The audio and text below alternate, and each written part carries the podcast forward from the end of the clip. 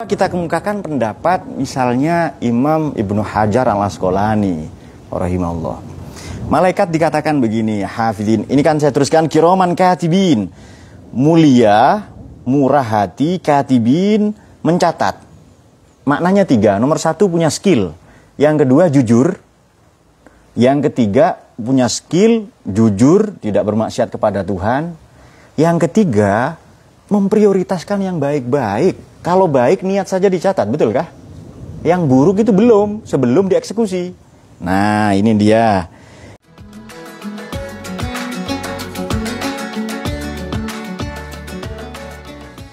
Assalamualaikum warahmatullahi wabarakatuh.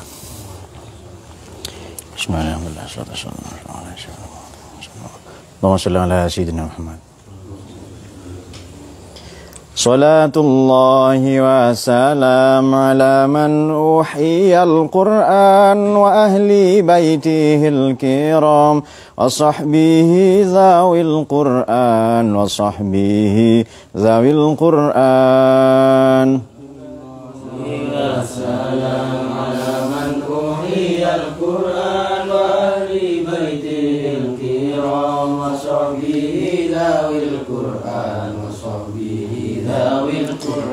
سلام الله والرضوان على ما نظم القرآن بقلب خالص النوى محب الراغب القرآن فطوبى من تعلم وبعد علم القرآن.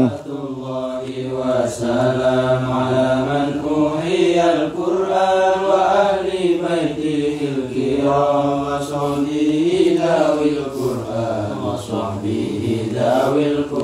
وفاز من تكلم مع الرحمن بالقرآن وخاب من تجنب عليه لعنة القرآن ولا قارين في الدنيا ولا الأخرى سوى القرآن. الله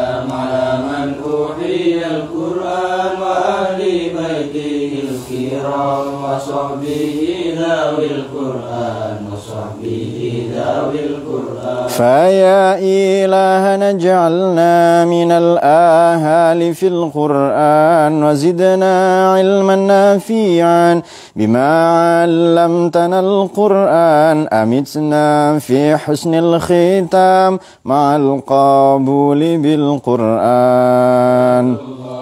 وسلام على من أوحي القرآن بيته الكرام ذوي القرآن وصحبه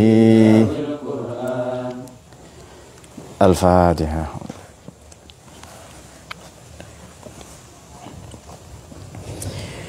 Bismillahirrahmanirrahim. Salatu wassalamu ala sayyidina Muhammad Rasulullah wa ala alihi wa Mari kita lanjutkan kajian tafsir Maudhu'i pada kesempatan berbahagia ini.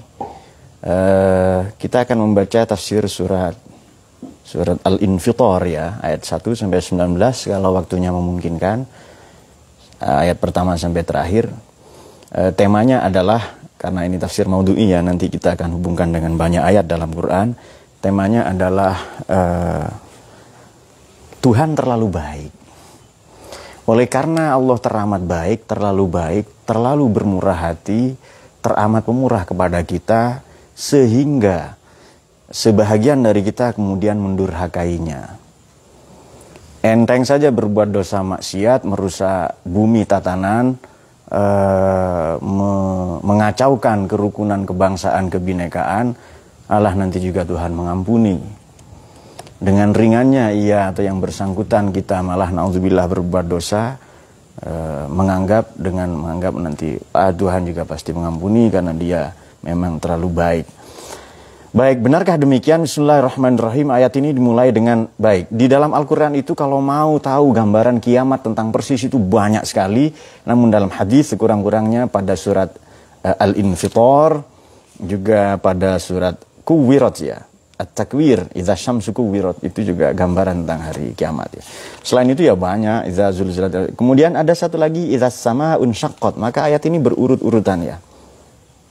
Nah, surat ini yang saya maksud ya. Ya yang lain uh, Al-Qari'ah, Iza zulzilatil ardu zilzalaha, kemudian dan banyak lagi ya waqi'ah dan lain-lain. Namun ini satu di antara sekian uh, ini wahyu yang ke-26 yang diterima oleh Nabi, ini satu di antara informasi mengenai kiamat. Baik. Kalau uh, Allah itu memiliki ancaman, mengancam dengan neraka, dengan kehidupan yang apa? Uh, baik misalnya fani'ma uqbaddar dengan kebahagiaan dan seterusnya atau kehidupan yang buruk yakni neraka dan seterusnya benarkah e, benarkah ia buruk atau atau jahat atau sebab ada juga pertanyaan sekalangan saudara kita yang ateis atau agnostik begini.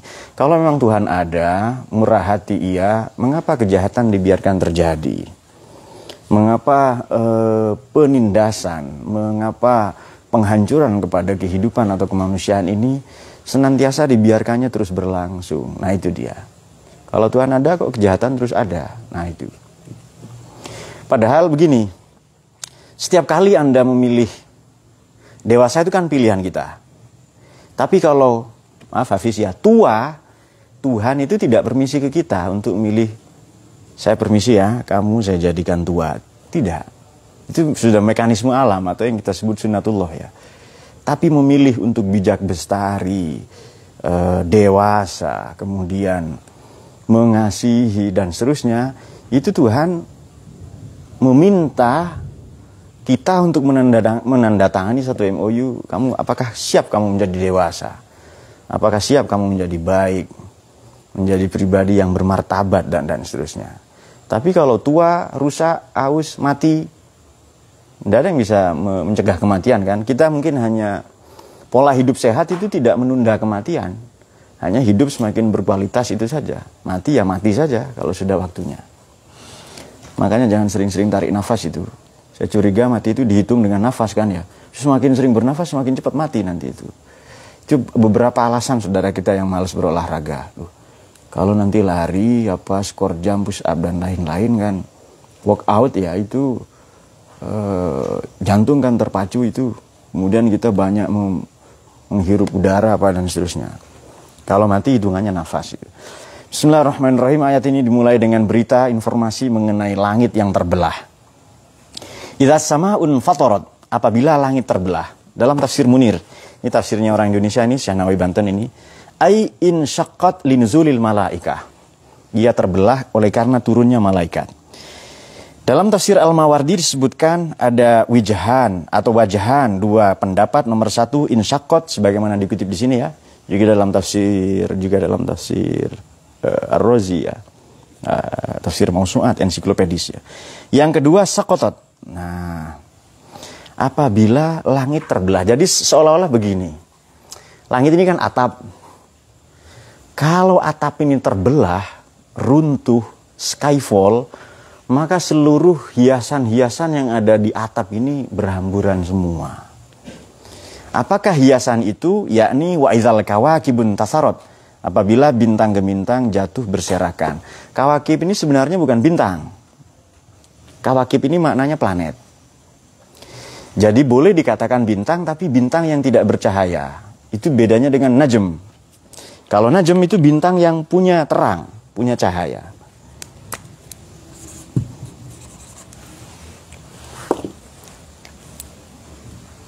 Wih, ini ada rambut di sini ya. Siapa habis malam mingguan di sini nih?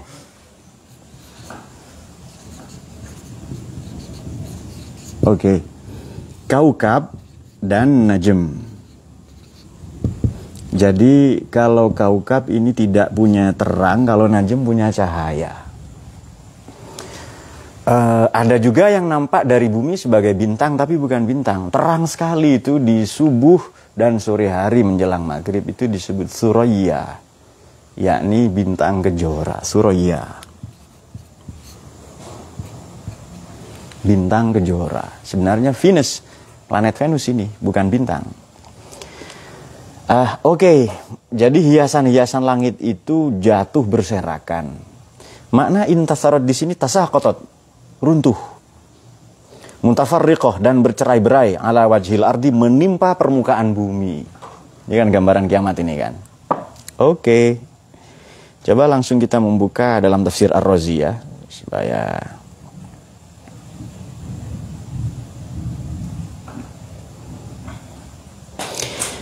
Kita juga bisa mendapati idza samaun fatorot ini pada ayat yang lain misalnya Furqan 25 Bismillahirrahmanirrahim wa yauma tashaqqaqus sama'u bil ghamam. Idza samaun syaqqat pada surat Al-Insyiqaq ayat 1. Ya di surat Insyiqaq ini berikutnya ya. Kemudian kemudian faidan syaqqatis sama'u fakanat wardatan kaddihan itu surat Rahman itu 37. Kalau langit terbelah itu seperti mawar yang mekar itu ya. Lantas wa futihatis sama'u fakanat abwaba was sama'u munfatirun bihi. Muzammil ayat 15. Oke, itu dia. Wa izal bihar fujirat. Bihar ini maknanya lautan, fujirat dijadikan meluap. Kita buka tafsir yang lain.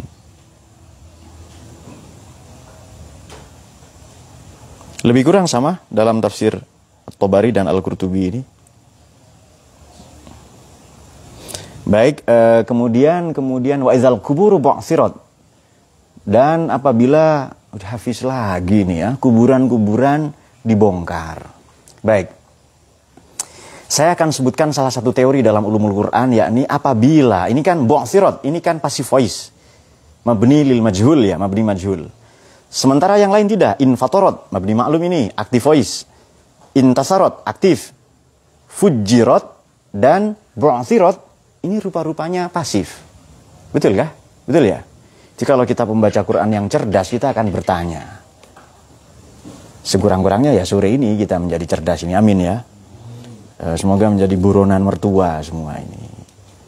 Jangan banyak-banyak mertuanya. Baik, uh, apabila ini kan tidak disebut. Jadi kalau laut samudra dijadikan menjadi meluap ya apa pasif ya, diluapkan. Artinya dipasang, dijadikan pasang. Bong sirot dibongkar. Sebelum ke sana, makna bong sirot ini adalah uh, Anda mencari ilustrasinya dua. Ilustrasinya dua. Anda membuka kotak kecil, kotak kecil ya, misalnya kotak ya sebesar buku inilah ya. Anda mencari jarum atau mencari sesuatu yang kecil. Bagaimana cara Anda mencarinya? Tentu saja langsung ditumpahkan ya kan, lalu dibongkar. Nah, kira-kira demikian isi kubur itu. Satu. Yang kedua adalah uh, apa tangan ya, tangan, tangan orang dewasa itu mencari sesuatu yang kecil sekali di dalam botol yang kecil. Kemudian sementara isinya adalah bercampur baur banyak sekali benda-benda atau material-material, material ya, materi saja. Material dan bangunan maka diaduk-aduklah itu. Supaya keluar nanti atau sekaligus saja dituang. Jadi demikianlah kubur itu nanti di dipermolenkan sirot. Nah, itu dia. Dimasukkan ke dalam molen seolah-olah. Oke, term bangunan itu ya. Nah, sekarang ulumul Qur'annya. Kalau ini kan subjek tidak disebut. Uh, apa kubur itu diobok-obok ya, diapakan ya bahasanya ya diguncang-guncang. Nah, ini kan tidak disebut subjeknya karena mabni lil majhul ya, passive voice. Kalau ada pernyataan demikian, maka sekurang-kurangnya menyiratkan dua makna. Fujirot dan bongsirot ini kan mabni majhul ya, passive voice sekurang-kurangnya menyiratkan dua makna. Yang pertama adalah bahwa peristiwa ini kalau tidak disebut ya aktornya, ini betul peristiwa ini betul peristiwa yang sungguh-sungguh nyata terjadi atau uh, ini peristiwa yang sangat agung, sangat dahsyat ya. Satu, jadi nyata terjadi ini peristiwa sangat agung, menakutkan, uh, kemudian menggemparkan ya, menghebohkan peristiwa ini karena tidak disebut ya. Kemudian yang kedua dan yang kedua ini lebih menarik ini. Yang kedua, kalau disebut dalam passive voice satu peristiwa di dalam Quran ini menyiratkan bahwa alam dunia ini me memiliki mekanisme karena benda-benda baru ya memiliki batas waktu, memiliki deadline yang nanti mekanismenya akan sampai dalam perjalanannya akan sampai kepada kehancuran. Jadi ini sekali lagi menyiratkan kesementaraan alam, oleh karenanya ia punya tenggat waktu sehingga dihancurkan nanti. Sehingga sebagian orang salah paham, ini dianggap bukan Tuhan. Dianggap ya nanti akan hancur saja. Ini apalah rumah atau apa keramik atau mobil atau motor apa saja. Otak dipakai atau tidak juga akan tetap rusak. Kan mending sama-sama rusak, rusak karena dipakai. Tentu saja untuk mikir ya. Baik, alimat nafsu maqaddamat wa akhirat. Jiwa ini akan tahu maqaddamat apa yang telah dikerjakan wa akhirat. Tiga maknanya. Uh, kalau di kita akan membuka kalau tadi wa'azal bihar fujirat itu juga tiga dalam tafsir Mawardi ya. Ya bisa uh, laut ini meluap dan lalu surut. Salah satu maknanya. Kemudian yang kedua, khulitot fasorot bahron wahidan. Seluruh samudera raya di bumi bercampur menjadi satu. Jadi bumi ini tergenang oleh air dalam tafsir Mawardi, pendapat yang kedua. Dan itu pendapat Ibnu Abbas radhiyallahu anhu. Kemudian uh, yang ketiga adalah fujiro azbuha fi malihiha, maliha min azbiha. Ini bercampur baur semuanya sehingga tidak ada lagi air tawar menjadi asin semua. Tapi apa pun itu ya meluap menggenangi seluruh dunia ini. Oke, satu lagi. Ini yang menarik adalah sebelum ke manusia, eh, kenapa Tuhan terlalu baik sehingga, ah, oleh karena Tuhan terlalu baik sehingga sebahagian manusia durhaka, itu akan kita jawab. Salah satunya pada ayat ini. Alimat nafsu ma qaddamat wa akhirat. Salah satu aujuhin. Nomor satu, alimat wama tarokat qolahu ibnu uh, Ruzain. Yang kedua, ma qaddamat min ta'atin akhirat min hakillah pendapat Ibn Abbas. Yang ketiga, min sodakotin uma akhorot minal miros. Oke. Okay. Secara gampang begini, manusia setiap jiwa ini tahu terhadap apa yang telah diperbuatnya atau akhorot, apa yang luput atau tidak diperbuatnya. Satu, dunia semua itu. Yang kedua, pendapat kedua adalah jiwa setiap diri ini tahu terhadap apa yang telah diperbuatnya untuk kebahagiaan dunia dan apa yang ditinggalkannya untuk kebahagiaan akhirat sehingga nanti nyemplung di neraka. Dua. Yang ketiga adalah maqaddamat wa akhirat. Ini eh, saya ambil pendapat populer ya. Apa yang dilakukannya dalam bentuk ketaatan, qaddamat itu dan akhirat apa yang diabaikannya dari hak-hak Allah yakni kewajibannya. Oke, sudah. Ya ayuhal insan, sekarang ini dia. Ma gharraka bi rabbikal karim. Wahai manusia, ma gharraka. Apakah yang telah memperdayamu bi rabbikal karim? Memperdayakanmu terhadap Tuhanmu yang maha pengasih. Oke. Insan tahu ya, manusia dengan dua dua kecenderungan, dua uns. Sekarang gharra. Gurur kan diartikan tipu-tipu. Gharra ini maknanya tiga, tapi saya ambil satu yang paling populer. Karena masih banyak ayat belum dibaca. Yang paling populer adalah sesuatu yang buruk ditampakkannya menjadi baik sehingga seolah-olah nampak baik. Kita bisa mengungkapkannya dalam ya filsafat tolong lampu nyalakan. Kontemporer adalah sebagai post truth. Tahu ya? Horor, gurur, horor kan itu buruk tapi dipoles dengan propaganda, dengan hipokrit, dengan uh, macam-macam sehingga nampak baik. Jadi berzina itu buruk, tapi dipoles seolah-olah baik. Kemudian menipu korupsi itu buruk, yang merusak tatanan ekosistem, merusak lingkungan itu buruk, tapi dianggap baik. Nah, cara-cara demikian itu horor ya atau gurur. Sini horor jadi maknanya adalah memoles sesuatu yang buruk sehingga nampak baik. Dalam ya politik kira-kira 10 tahun satu dasawarsa satu dekade belakangan ini disebut post truth. Ada seorang filosof di Amerika namanya Ken Wilber, mungkin pernah saya sampaikan ya. Ken Wilber ini nulis buku judulnya Trump and the Post-Truth World. Trump dan dunia post-truth. Post itu pasca, truth kebenaran. Maknanya apa? Salah diulang-ulang sehingga nampak benar. Wah ini sudah sejak sejak perang dunia pertama. Misalnya, uh, Adolf Hitler ini orang mana Hitler ini? Ya? Mana? Jerman ya. Tidak, dia sebenarnya bukan orang Jerman, tapi tetangganya Jerman. Itu mana itu? Austria ya, tapi nanti tinggal di Jerman ya. Oke. Begitu dia terpilih menjadi kanselir, yang dipilih, yang diangkat mula-mula adalah menteri urusan propaganda. Demikian pula Soviet, dia memilih seorang ahli atau tukang propaganda namanya ideolog, demagog, kemudian propagandis namanya Anatoly Lunacharsky. Ya pokoknya pemerintah nampak baik terus. Nah itu dia. Uh, Ken Wilber ini juga nulis buku seperti itu. Judulnya Trump and the Post-Truth World. Ya Trump yang rasis, yang anti apa macam-macam itu yang ya pokoknya sara lah dengan politik sara dia menang. Tapi dengan media sosial, dengan media-media yang dia punya digambarkan seolah-olah baik.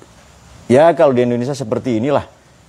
Presiden yang kedua kan ya almarhum Haji Muhammad Soeharto. Nah itu dia digambarkan sebagai bapak pembangunan. Ada jasanya kah? Ya ada. Tapi ya kejahatannya jauh lebih besar dari itu, banyak sekali itu. Nah, ini namanya propaganda ya. Oke, maghurraka bi rabbikal karim. Wahai manusia, insan sebagai makhluk, sebagai pribadi yang punya dua kecenderungan, baik dan buruk ya, positif negatif, maghurraka. Apa sih yang menyebabkanmu tertipu, terpedaya? apa yang menyebabkanmu durhaka?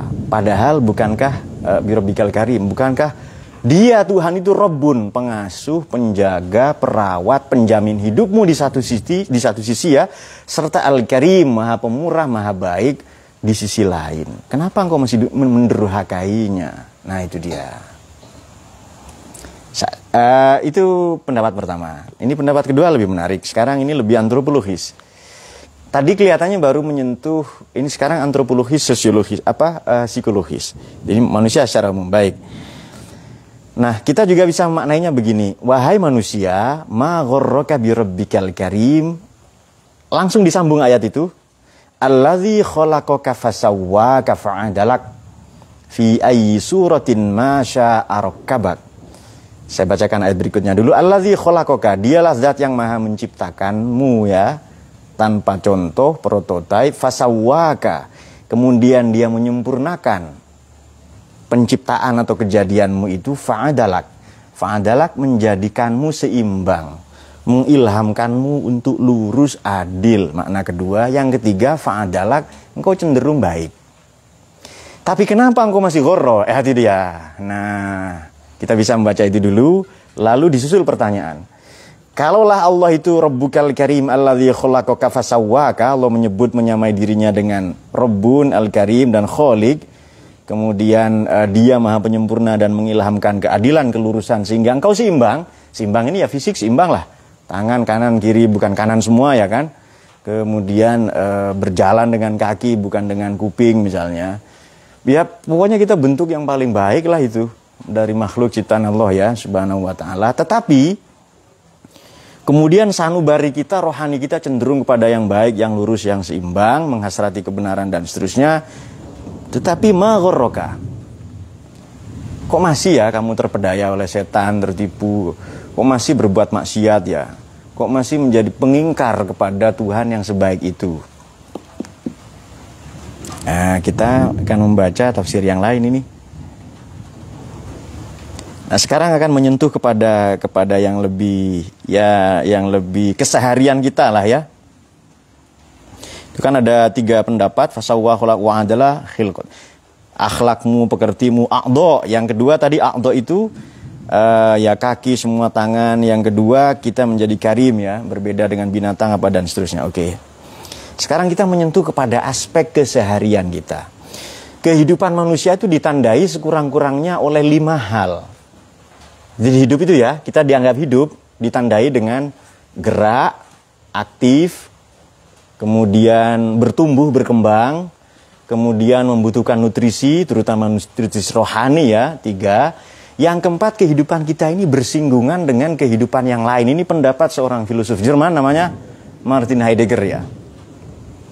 Kita ketemu ada, ada kan kita ada, mengada, menjadi, meruang waktu. Orang lain juga demikian kah?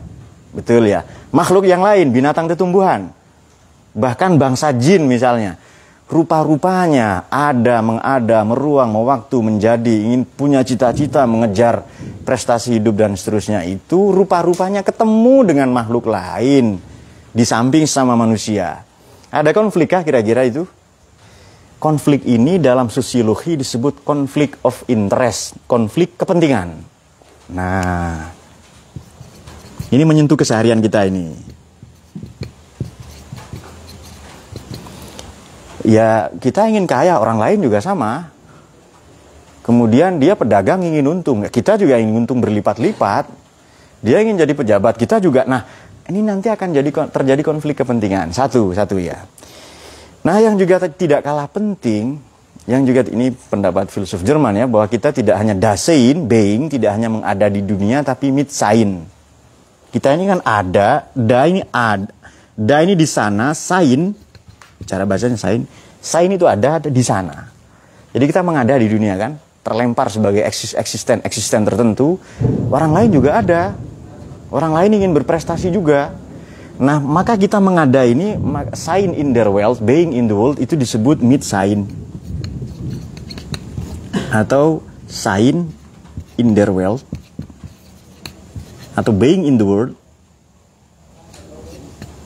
adalah mid sign mengada bersama-sama. Ada konflik of interest. Satu. Yang kedua, ini menarik ini. Menarik enggak kira-kira? Oh ya sudah menarik gitu. Enggak menarik juga enggak apa-apa. Oke. Okay. Manusia cepat bosan kah? Lu, lalu pasangannya milih sesama jenis. Lalu menikahi binatang. Lalu menjadi perumah tangga dengan kambing ya. Pecinta reptil sehingga uh, cintanya kepada reptil dan tanaman itu lebih dari cintanya kepada manusia. Kemudian karena memuja kemanusiaan sehingga mempertuhankan satu sebuah realitas fisik, satu korpus bernama tubuh, lalu tubuh itu disembah, dipertuhankan, menolak menjadi tua, macam-macam lah ya. Dan itu teknologi modern seperti itu, kosmetik-kosmetik, makanan apa dan seterusnya. Kalau Anda makan ini akan tumbuh rambut, bukan di kepala tapi di sikut misalnya. Di, Oh, terus begitu ya produk-produk uh, demikian. Oke. Okay. Sehingga pasangannya sama jenis, kemudian walhasil iya gorroka. Itu kan buruk. Just sebutkan ke saya bahwa menikah sesama jenis itu baik atau buruk menurut Anda? Buruk tapi dipoles-poles, nampak baik, nampak. Ya kita tidak merugikan orang, Pak. Ya terserah. Kita kan ya penyuka lubang kentut, ya, misalnya itu. Tapi kita kan tidak merugikan orang. Nah, hal-hal seperti ini kemudian nampak wajar. Bukankah ia Tuhan yang Robun, pengasuh, perawat, penjamin hidupmu dan Al-Karim, maha pemurah kepadamu? Adalah tidak wajar kalau engkau mendurhakainya, betul kah? Sudah dibimbing dengan agama macam mana? Nah, itu dia. Sudah. Fi ayyi suratin masya kabak. Dalam bentuk apa saja yang dikehendaki dia menyusun tubuhmu. Yang menyusun organisasi tubuh, penentu jenis kelamin, Nasib kita bagaimana? Itu dalam dunia modern dianggap kita yang menentukan padahal tidak. Adakah teknologi yang tahu masa depan anak? Psikologi enggak? Enggak tahu, tahunya meramal saja. Ini kalau bentuknya seperti ini, besar-besar, seperti Dita, kira-kira, ah, itu hanya prediksi saja. Tapi dia enggak tahu mati kapan, kemudian rezekinya siapa, jodohnya. Dia enggak tahu itu. Itu bukti bahwa potensi rohani itu di luar jangkauan saintek. Di luar jangkauan segala jenis filsafat kecuali nanti filsafat ketuhanannya. Oke. Okay. Kalla bal tukadzibuna biddin. Kala ini maknanya empat. Dua paling populer, di sini maknanya sekali-kali tidak. Atau jangan begitu. Jadi bersifat warning ya, hati-hati. Jangan gitu loh, awas. Atau tidak bantahan untuk uh, ma karim. Itu rupa-rupanya bal tukadzibuna biddin. Mereka mendustakan agama. Maknanya satu. Yang kedua mendustakan hari pembalasan karena konteksnya tadi langit runtuh bintang-bintang berhamburan dan seterusnya. Oke. Okay. wa inna alaikum lahafidhin. Dan dan sesungguhnya bagi kamu ada malaikat-malaikat yang mengawasi oke okay. Allah itu di atas maknanya, betul ya? Lebih tepat maknanya mengawasi, lebih tepat maknanya menguasai. Ada loh malaikat-malaikat yang mengawasi menjaga kita. Nah ini saya kumpulkan dalam keterangan dalam beberapa hadis ya. Juga mungkin ayat dulu karena tematik ini saya sebutkan beberapa. Salah satunya adalah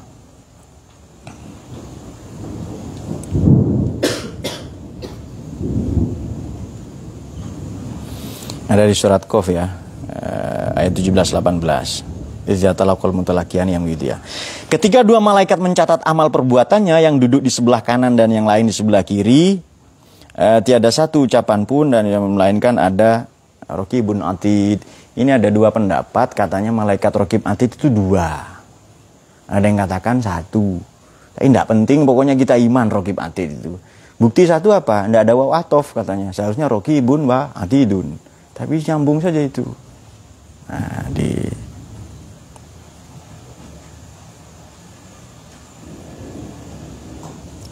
di surat Qaf ya. Coba kita periksa ini. Bismillahirrahmanirrahim.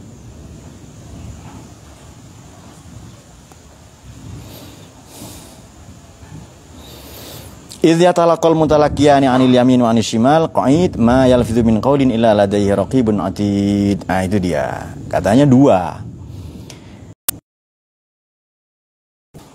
Oke. Okay. mula-mula kita punya dua persepsi. Seolah-olah malaikat yang ditugaskan oleh Allah itu mencari-cari kesalahan kita, betul kah? Betul. Itu artinya Allah itu hendak menghukum kita. Muntakim, azabun syadid, macam-macam. Dia cari-cari kesalahan kita sehingga nanti kita dihukum olehnya. Pendapat pertama. Pendapat kedua ini lebih lebih nista lagi. Itu itu pendapat bodoh menurut saya. Ini pendapat lebih konyol lagi ini yang kedua ini adalah bahwa kalau memang kita dicari-cari kesalahannya terus ya, dicari-cari kesalahannya terus oleh Tuhan ya, dalam hal ini melalui malaikat yang ditugaskan itu, kenapa Tuhan masih nyari menganugerahi potensi baik pada diri kita? Nah itu dia.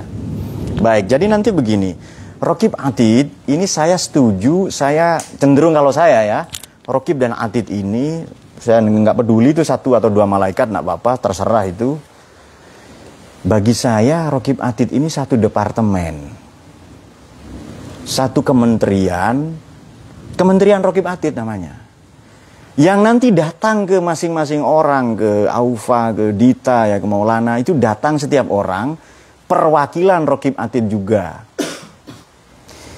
Sebab dalam satu hadis dalam satu hadis dikemukakan dan sahih ya eh, dalam sahih Ibnu Hibban dikatakan begini. Setelah orang meninggal, setelah maaf Hafiz ya dari tadi banyak Hafiz pembahasannya ini tapi kita semua kita semua Hafiz yang paling memungkinkan secara usia ini oke setelah orang ini meninggal Rokib Atid ini entah satu entah dua malaikat datang di kuburan berdoa terus betul kan nyari-nyari kesalahan kalau begitu tidak Malaikat ini menjaga kita terus, makanya Allah ini menguasai menjaga. Manarfia di atas ya. Seluruh hidup kita dijaga, kecuali dua hal. Ini hati-hati ya kepada Maulana. Satu ketika janabah, junub. Itu di hadis juga ini. Dan malaikat itu menjauh dari Anda. Atau masuk kamar mandi. Jadi malaikat itu nunggu di luar saja. Semoga tidak kepleset di kamar mandi oleh cairannya sendiri oleh lendir-lendirnya sendiri karena buang ingus sembarangan, betul kah? Nah itu dia, pokoknya berbuat jahat lah di sana. Lalu nyalakan keran, pura-pura mencuci apa dan seterusnya. Padahal dia, nah walhasil kita dijaga. Buktinya pas setelah mati saja mudah-mudahan si Fulan bin Fulan ini selamat ya. Mudah-mudahan uh, Kafa, Kahar dan Aufa ini selamat ya. Dia malaikat itu bukti bahwa Allah tidak mencari-cari kesalahan kita. Dia maha pemurah sebenarnya, maha mengasihi. Nah, uh, itu bantahan pertama. Bantahan pertama. Bantahan kedua kita kemukakan pendapat misalnya Imam Ibnu Hajar al Asqalani rahimahullah. Malaikat dikatakan begini, hafidin. Ini kan saya teruskan kiroman katibin. Mulia, murah hati, katibin, mencatat. Maknanya tiga. Nomor satu punya skill. Yang kedua jujur. Yang ketiga, punya skill, jujur, tidak bermaksiat kepada Tuhan. Yang ketiga, memprioritaskan yang baik-baik. Kalau baik niat saja dicatat, betul kah? Yang buruk itu belum, sebelum dieksekusi. Nah, ini dia. Baik, uh, nanti di surat Kahfi itu ada ayat seperti ini. Bismillahirrahmanirrahim ayat 49. Wa wudi'al kitabu fataral mujrimina musyfiqina mimma fihi wa yaquluna ya wa, ya wailatana ma li hadzal kitabi la yughadiru saghiratan wala kabiratan illa aswa. Ini kok amal ini dicatat semua ya, yang baik, yang buruk, pernah tidak sholat asar, pernah durhaka ke orang tua, menganiaya binatang, kemudian menyia-nyiakan umurnya, kemudian dia bertapa lama sekali di kamar mandi sampai kurus. Itu semua kejahatannya ada. Jadi katibin sangat pinter nulis, ahli, expert. Yang kedua, katibin ini tidak mungkin mendurhakai Tuhannya karena jujur. Yang ketiga, prioritasnya yang baik-baik. Maka ini juga bantahan yang kedua, kata Ibnu Hajar al Asqalani rahimahullah bahwa Tuhan tidak nyari-nyari kesalahan kita. Dia khalaqaka fasawwa kafa'adala. Kita cenderung baik. Kalau buruk kenapa? Karena ada ghurroka. Yang buruk itu dipoles menjadi baik. Oleh nafsu, oleh setan, oleh pergaulan, oleh apa konflik of interest dan macam-macam itu yang tadi sudah kita ulas. Sudah saya kira dapat poinnya teman-teman ya. Oke, sedikit lagi uh, Bismillahirrahmanirrahim. Kita teruskan. Uh, uh, uh, kiraman ya'lamuna ma taf'alun. Oke, sudah jelas itu saya kira ya. Tahu semua yang kamu kerjakan. Innal abrara lafi na'im wa innal fujjara lafi jahim. Yang baik di surga, yang fujar, yang bejat di neraka dan, dan seterusnya. Sebab nanti Tuhan akan dituntut itu. Oh yang buruk-buruk di surga, oh yang baik-baik di neraka. Nah, itu dia. Kemudian yaslaunaha yaumaddin. Mereka masuk ke dalamnya pada hari pembalasan. Sudah, ini saya kira juga sudah jelas. Makna din ini adalah uh, maknanya bisa pembalasan, bisa agama. Tapi makna harfiah adalah relasi ya. Hubungan yang rendah dengan yang tinggi. Allah Maha Tinggi disembah berarti itu. Berarti agama ya. Kita yang menyembah. Kalau pembalasan Maha Tinggi dia yang membalas seluruh makhluk yang dibalas khususnya manusia Mahuman habi ibin ah nggak mungkin keluar dari sana. Madro kamu madro kama yamuddin kamu tahu kah hari pembalasan? Tentunya tidak pernah tahu kan? Tidak mungkin tahu. Semua madro kama yamuddin ah, kemudian sekali lagi yaumala tamliku nafsuli nafsin syai'a. Pada hari itu tidak seorang pun ya. Tidak berdayalah tamliku nafsun li nafsin. Menolong, membela, menyelamatkan orang lain karena sudah sibuk dengan. Kecuali orang-orang tertentu yang memiliki hak syafaat. Ya, para nabi khususnya nabi kita. Wal amru yauma idzinin yauma idzin lillah. Segala urusan pada hari itu menjadi milik Allah semata-mata.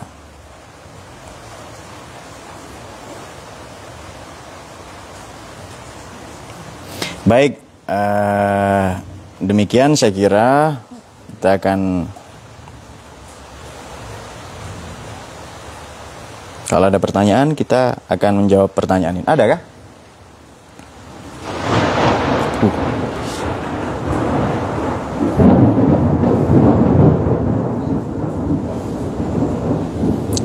Sambil menikmati hujan ini ya.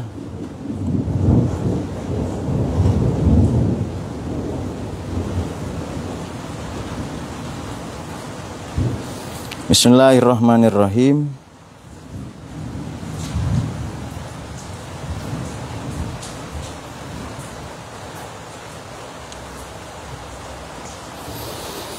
Baik. Oh, pertanyaan pertama dari oh dari tetangga sebelah. Oke. Ini ada penanya ini. Saya hendak bertanya apakah tolak ukur dari fasawa kafa'adalak Bukankah semua makhluk punya kriteria kesempurnaannya masing-masing? Oke, baik. Ini sebenarnya yang nanya sudah tahu kelihatannya loh ya. Bismillahirrahmanirrahim. Dalam tafsir Al-Mawardi ini ada tiga pendapat tadi sudah kita singgung. Nanti saya kemukakan pendapat saya sendiri. Siapa tahu cocoknya. Yahtamilu salah satu aujuhin nomor satu. Allazi khalaqaka fasawwaka fa'adalak. Nomor satu adalah yang paling populer ya. Fasawwa a'do'aka bihasbil hajati wa adalaha fil mumatsalati la tafdulu yadun ala yadin wala rijlun ala. Uh, sudah sedemikian sempurna, seimbang tubuh, realitas tubuh ya. Tadi saya kemukakan tangan apa macam-macam ya. Kemudian pasangan Pasangan yang seimbang itu ya laki-laki perempuan, bukan perempuan-perempuan. Binatang ya boleh kita kasihi, tapi itu bukan bukan pasangan hidup kita. Dua, Allah menyempurnakan penciptaanmu dan engkau cenderung lurus. Tiga, fasawwaka insanan kariman. Nah ini dia cocok dengan tanasub ya munasabahnya dengan ayat bahwa uh, uh, uh, wa demi jiwa dan penyempurnaannya itu dia wa adala bika an an ayyaj'alaka hayawanan bahiman wah ini dia wa nafsi wa ma sawaha. Makna menyempurnakan ini adalah tubuh nomor satu, kemudian perilaku nomor dua, kemudian yang ketiga kita menghasrati menjadi insanan kariman, artinya menghasrati tidak menjadi orang yang ghorroka birobbikal karim, tapi ingin meniru menjadi insanan kariman. Nah, bahwa dikatakan oleh penanya setiap orang punya kriteria kesempurnaan masing-masing saya kira tadi ini ukuran umum ya.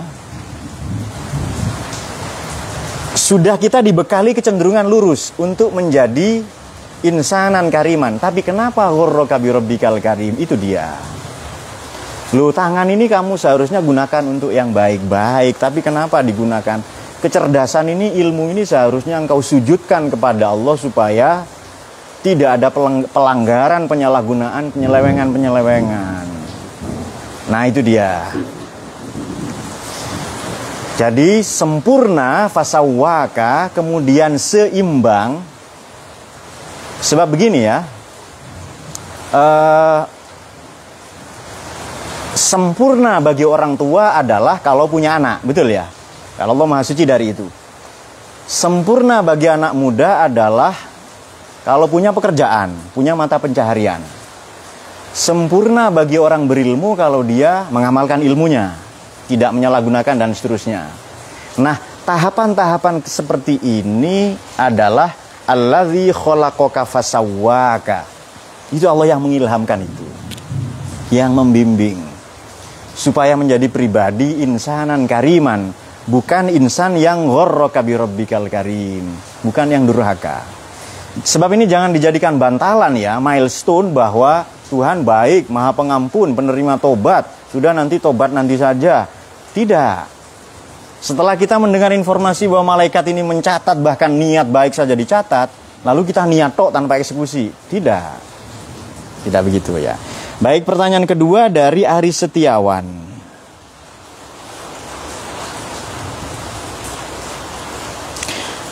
Uh, kutipan surat Isra ayat 15, tapi kami tidak akan menyiksa sebelum kami mengutus seorang rasul.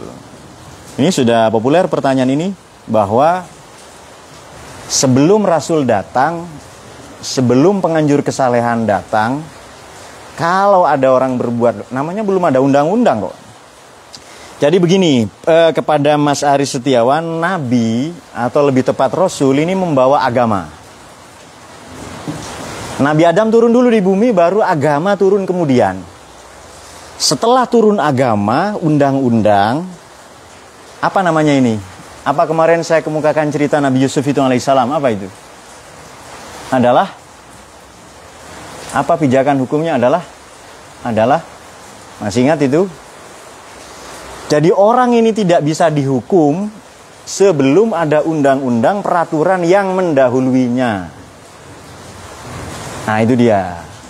Pas tapi sekarang Nabi sudah tidak ada pak. Ya kalau begitu para penggantinya, warasatul anbiya itu.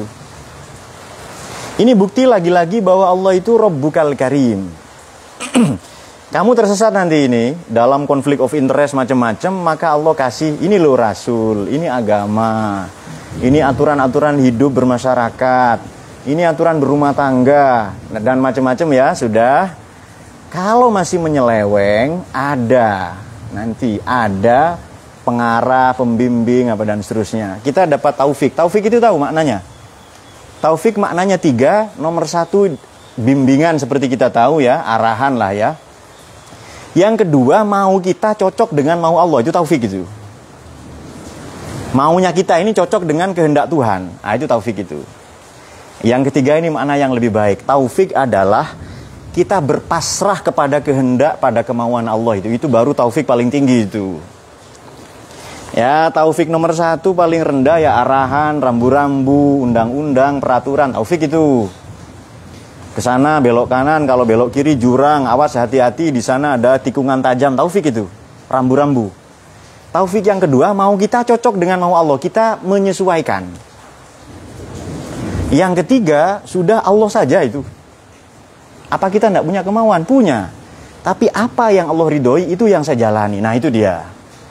Apa yang diridhoi Allah dicontohkan para nabi para kekasihnya ini yang kita ikuti. Nah, itu taufik itu. Itu taufik yang keren yang begitu itu. Pertanyaan ketiga dari Reza Amrullah. Saya kira itu jawaban untuk Mas Aris Setiawan. Pertanyaan ketiga dari Mas Reza Amrullah, bagaimana mensikapi orang egois? Jawaban saya tidak usah disikapi, biarin aja. Oh, baik disikapi, ya sudah disikapi ya. Mensikapi orang egois itu dua. Nomor satu, tidak menjadi seperti dia. Nomor dua, kalau Anda bisa ya diarahkan, dididik, dibimbing, Nah, tapi bagaimana kalau yang egois itu ternyata si penanya sendiri? Ah, itu ngaji berarti jawabannya itu. Nah, uh, juga ada pendekatan begini, Mas Reza, untuk penanya ini. Pendekatan yang lebih menarik begini. Egois ini kan prinsipnya adalah orang yang mementingkan kepentingannya sendiri. Dia menuntut haknya, bahkan kadang lupa menunaikan kewajibannya. Dari orang lain dituntut hak terus itu. Tapi ia lupa tunaikan kewajiban kepada yang lain, terutama kepada Tuhan, bahkan kepada orang tua. Nah, orang-orang seperti ini sebenarnya sudah mendapatkan hukuman ketika dia masih hidup, dia dijauhi oleh teman-teman, saudara, keluarga, dan macam-macam ya. Nah, kalau kita, kalau Anda tidak bisa mempengaruhi mengarahkannya, ya lebih baik tinggalkan saja. Jadi sekurang-kurangnya Anda tidak seperti yang bersangkutan itu sudah hebat itu. Eh, sudah kah? Sudah ya. Baik, eh, sekarang telah kita telah sampai kepada kesimpulan karena tidak ada pertanyaan lagi. Sekurang-kurangnya dari ayat ini tadi dikatakan dalam hadis ya Sahih Bukhari dan Muslim radhiyallahu anhu dikatakan bahwa kalau mau tahu gambaran tentang kiamat yang paling lengkap nomor satu surat Takwir surat 81 Nomor dua surat Al-Infitor yang barusan kita baca. Yang ketiga adalah pada surat Al-Insyiqaq. Yakni pada surat yang ke-84. Ini gambaran kiamat paling lengkap. Ada orang bertanya begini, Pak, kenapa sih banyak cerita kiamat di Quran? Kenapa banyak ancaman-ancaman? Ini opsi terakhir loh ya. Di Quran opsi pertama itu sains ilmu. Temuan sementara 824 ayat yang menghantarkan kita untuk mengenal Allah, mengenal agama, mengenal diri, mengenal hakikat hidup ini, mengenal Tuhan lah, lebih esensial adalah sains. Nomor dua, cerita manusia. Fiamfusikum afalatubsirun. Kamu tidak perhatikan ke dalam dirimu sendiri. Yang ketiga, kadang kita dicontohi oleh Quran ini dengan cerita-cerita, kisah-kisah, sejarah-sejarah. Ini baik, kenapa menjadi baik? Ini buruk, kenapa buruk? Kenapa orang baik ini? bangsa-bangsa yang dihancurkan dan seterusnya baru terakhir nanti al-wa'd wal wa'id surga neraka janji ancaman ini terakhir ini jadi kalau ada penceramah isi ceramahnya surga neraka tok itu pasti dia tidak ngerti sains tidak ngerti filsafat manusia tidak mengerti ilmu pengetahuan tidak mengerti sejarah terakhir nanti ambil opsi surga neraka diancam terus jamaahnya itu pendapat saya loh ya boleh jadi ini benar, boleh jadi tidak keliru. Baik. Pak, kenapa? Misalnya, kenapa Kok diulang-ulang cerita kiamat ya? Kan banyak sekali ayat ini. Yang paling lengkap di tiga surat tadi saya sebutkan. Tapi kok di Quran banyak sekali Pak. Nah jadi begini. Kalau saya seorang bapak menginginkan anak saya baik. Seharusnya saya ingatkan sholat itu setiap hari atau 10 tahun sekali atau seumur hidup sekali. Seharusnya tiap hari. Demikian pula kita yang gampang lalai. Eh, maaf ya Ustadz Muid ya. Yang gampang lupa. Nah, enggak. Yang gampang teledor Seharusnya tiap hari diingatkan, ayo sholat, kemudian belajar, kemudian istirahat, jangan main tok.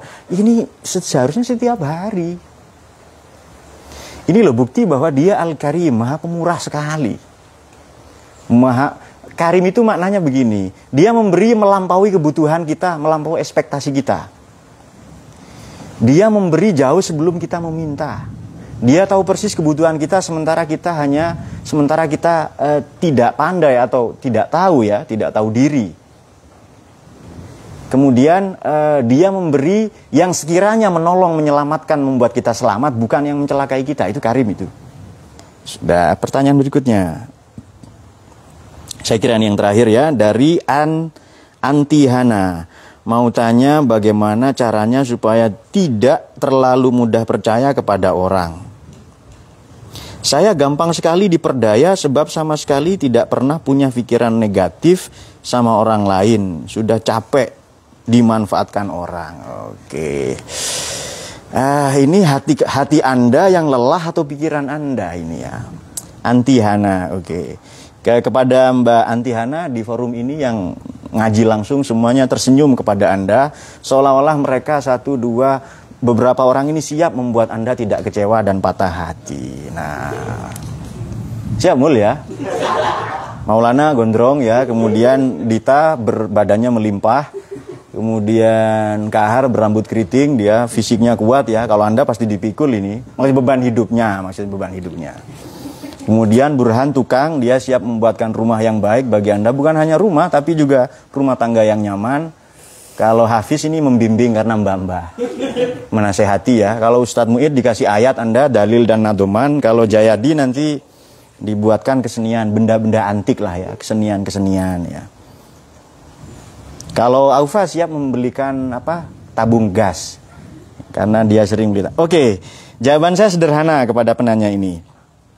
Supaya tidak mudah percaya. Menurut saya kalau Anda tidak punya pikiran negatif pada orang lain justru bagus. Jadi Anda sudah melaksanakan sabda Nabi. Husnudon, baik sangka itu. Anda sudah menjalankan perintah agama sebenarnya. Nah, eh, kalau Anda gampang diperdaya, mulai sekarang berbuat baik itu jadi begini. Ada dua, ada dua pendekatan supaya kita tidak kecewa dengan kegagalan jangka pendek. Nomor satu, kita punya proyeksi keberhasilan jangka panjang. Kalau Anda punya rencana berhasil, sukses jangka panjang, anda nggak kecewa dengan kegagalan jangka pendek, bahkan disakiti satu dua orang. Di awal tadi, kalau Anda ikuti ngaji dari awal kepada Mbak Antihana adalah untuk menjadi hafiz, uh, sorry, untuk menjadi tua, Tuhan tidak meminta persetujuanmu. Tapi untuk menjadi dewasa, Allah sodorkan MOU, tanda tangan nih, kamu siap menjadi dewasa. Kamu siap mengikuti Nabi, kamu siap menjadi Indonesia yang baik. Itu Allah minta persetujuan kita. Tapi untuk tua, rusak, mati, Allah tidak minta persetujuan kita itu. Walhasil kita tidak punya kehendak, tidak punya kuasa. Mau nggak mau tetap mati. Fisik ini mau nggak mau tetap rusak. Hanya kalau kita jaga pola makan baik, sehat, apa istirahat cukup ya. Istirahat cukup itu bukan 8 jam, 2 jam saja. Istirahat cukup versi setiap versi versi ekstrim ya. Maka tubuh ini baik. Ya awet lah maknanya awet ini tidak gampang sakit itu dia. Jadi baru apa lihat wanita pilek ya kan. Kemudian lihat benda-benda apa seperti tadi ya. Jadi cara bahagia juga seperti siapa? Eh, Dita. Jadi punya ngaji saja dari lantai satu ke lantai dua bawa bekal dengan gambar Mickey Mouse atau apa tadi? Hello Kitty. Ya, itu sama dengan merek celana dalamnya. Oke. Okay. Uh, saya ralat pernyataan itu hapus saja. Nah, kalau Anda sudah capek dimanfaatkan orang, mulai sekarang hidup lebih waspada. Kalau Anda belum menikah, ya menikahlah. Itu keren itu. Nanti Anda yang menjaga Anda, Mbak. Anda tidak akan disakiti sembarang orang. Kalau belum punya, ya di sini siap untuk menjaga Anda. Betul kah? Nah, artinya Anda berbakat jadi satpam. Dua, pertanyaan berikutnya dari Mas Indra Yusepa. Menurut surat Al-Jin, jin adalah makhluk goib, tapi kenapa jadi saksi kerasulan Nabi Muhammad? Baik, yang menjadi saksi kerasulan Nabi Muhammad bukan hanya manusia jin loh ya, para malaikat, bahkan Allah sendiri. Bahkan binatang-binatang amanah bihidobbu, biawak beriman rumput-rumput, burung-burung. Bagaimana di bacaan-bacaan kalau maulid rohatil altiyaru asdu bilayali maulidiyah. Burung-burung ini bersenandung gembira dengan kelahiran sang nabi. Artinya dia mengakui kerasulan, risalah nubuah itu. Kok cuma jin ya? Binatang semuanya itu. Pada benda-benda, pada debu-debu, pada planet-planet. Ini ada Nur Muhammad semua. Ini menjadi saksi membenarkan kerasulan beliau sallallahu alaihi apalagi manusia ya terutama ya nah. sudah selesai kah Oke, jadi kesimpulannya belum akhirnya. Nah, kesimpulannya begini. Kesimpulannya adalah tiga saja. Nomor satu, kiamat pasti datang. Jadi kalau ada redaksi begini di Quran, Izas sama unfatorot. Kalau langit terbelah, sudah terbelah langit. Belum, maknanya pasti. Artinya kiamat pasti datang. Ya buktinya kita sering tidur itu kan itu bukti bahwa kita mati dan kelak dibangkitkan. Juga cerita Sabul Ghafi dan lain-lain. Kemudian pelajaran kedua kalau izal biha, wa izal bihar fujirat kalau ada pasifoi seperti tadi izal kuburu boksirat ada pasifoi itu artinya peristiwa itu gampang mudah sekali bagi Allah dan peristiwa yang dahsyat itu ukuran manusia tapi gampang sekali bagi Allah itu. Kemudian kita tahu kelak alimat nafsu maqaddamat wa akhirat tapi di dunia kita juga tahu. Sekarang begini saja rekaman di otak kita ini kalau di ditransfer, ditransmisikan, ditranskrip ke CD, ke kaset, sudah berapa juta kaset ya kan? Rekaman maksiat itu loh. Itu kita tahu semua loh. Kenangan masa kecil, disuapi orang tua, kemudian dibimbing oleh mbahnya. Kita masih ada rekaman seperti itu. Kemudian kita pernah ndak sholat, pernah nyolong. Kita tahu semua loh sebenarnya itu. Nah, makanya ini ini ini potensi rohani ya. Bagaimana orang-orang di surat An-Nisa kalau tidak salah itu orang-orang innama yakuluna fi apa innama yakulun amwalal yatama zulman, orang yang makan harta benda anak yatim secara lalim, dia yakuluna fi butunihim naron. Ya kan? Wa saya selalu nasairon itu. Dia dalam hatinya itu, dalam dirinya, dalam perutnya makan neraka. Sudah makan harta benda anak yatim, makan api sudahkah? Secara hakikat sudah surganya nerakanya belum saya selauna itu jadi momen-momen peristiwa-peristiwa ini ada nuansa hakikatnya ada nuansa batinnya tapi kita tidak tahu. Betulkah pak orang makan sabda nabi orang yang hasad itu memakan bangkai saudaranya sendiri? Betul itu. Secara hakikat betul itu terjadi. Bangkai saudaranya sendiri ya. Bagaimana?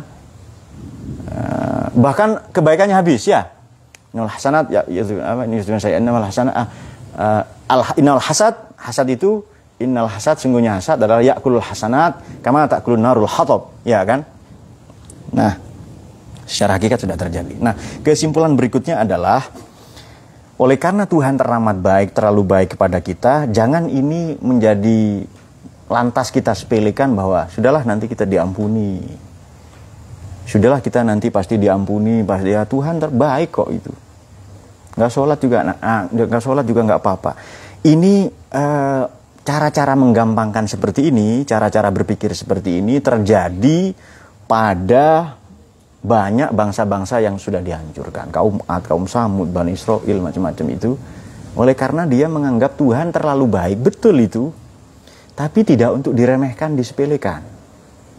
Nah itu dia ada malaikat yang menjaga kita, itu saya tahu betul, tahu persis ya.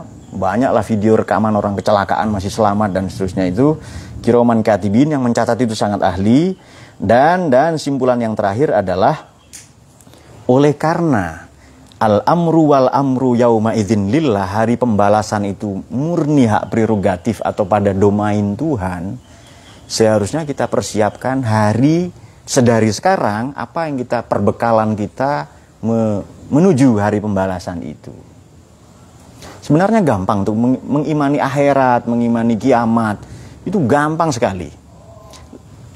perhatikan hidup ini ya. Hidup ini selalu membawa pesan bahwa akan datang mati. Contohnya apa? Tubuh rusak, aus, kemudian benda-benda yang baru, kemudian yang tua, yang muda jadi tua, benda-benda baru menjadi lama. Jadi benda-benda saja ini sudah ngasih kabar bahwa hidup akan mati, akan hancur dunia ini. Kenapa sulit mengimani kiamat? Lalu orang berencana ke planet Mars apa? Ya enggak apa-apa, bagus itu. Silahkan kalau memang bisa ya. Kalau memang bisa itu. Bukankah lebih simpel kita berbuat baik saja? Ini mati datang ini. Orang kan banyak tidak percaya Tuhan, tidak percaya agama. Tapi mereka percaya mati. Kenapa? Buktinya banyak. Dan tidak ada orang yang bisa terhindar dari kematian. Maka kenapa tidak cara berpikir kita rubah? Kalau begitu apa yang kita siapkan sebelum mati? Kan mudah sekali daripada berpikir menolak mati, ya kan? Daripada berpikir menolak mati, menolak agama, menolak kiamat, kenapa berpikirnya tidak kita ganti? Apa yang harus saya siapkan sebelum mati?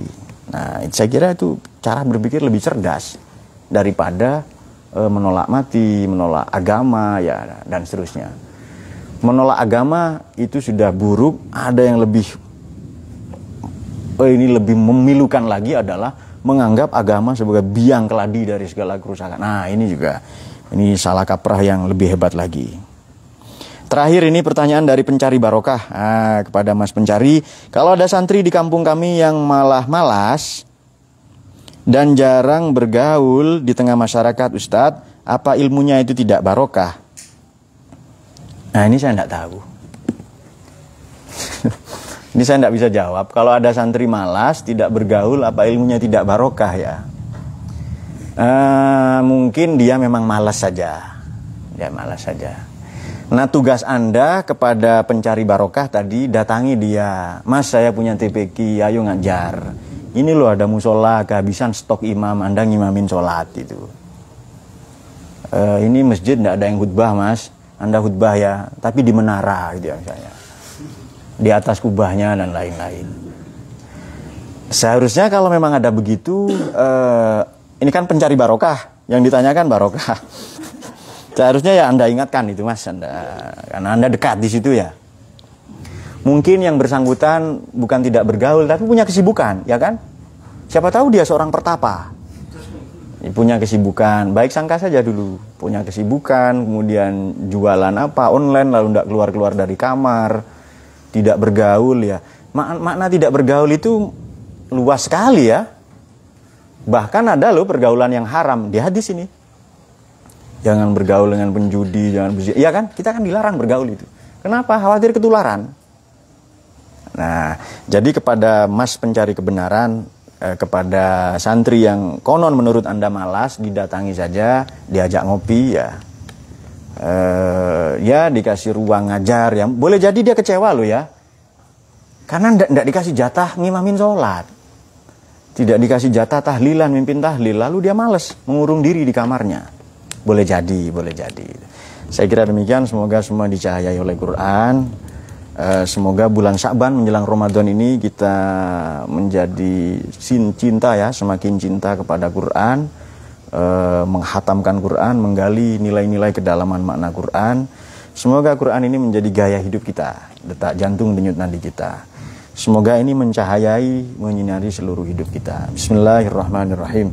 Allahumma arhamna bil Qur'an waj'alhu lana imaman wa nuran wa huda wa rahmah. Allahumma dzakkirna wa 'allimna minhu ma jahilna warzuqna tilawatahu ana al-laili wa atrafan nahar waj'alhu lana hujjatan waj'alhu lana hujjatan ya rabbal alamin. Allah yafiqna sabila yasin wallahu muwaffiq ila Assalamualaikum warahmatullahi wabarakatuh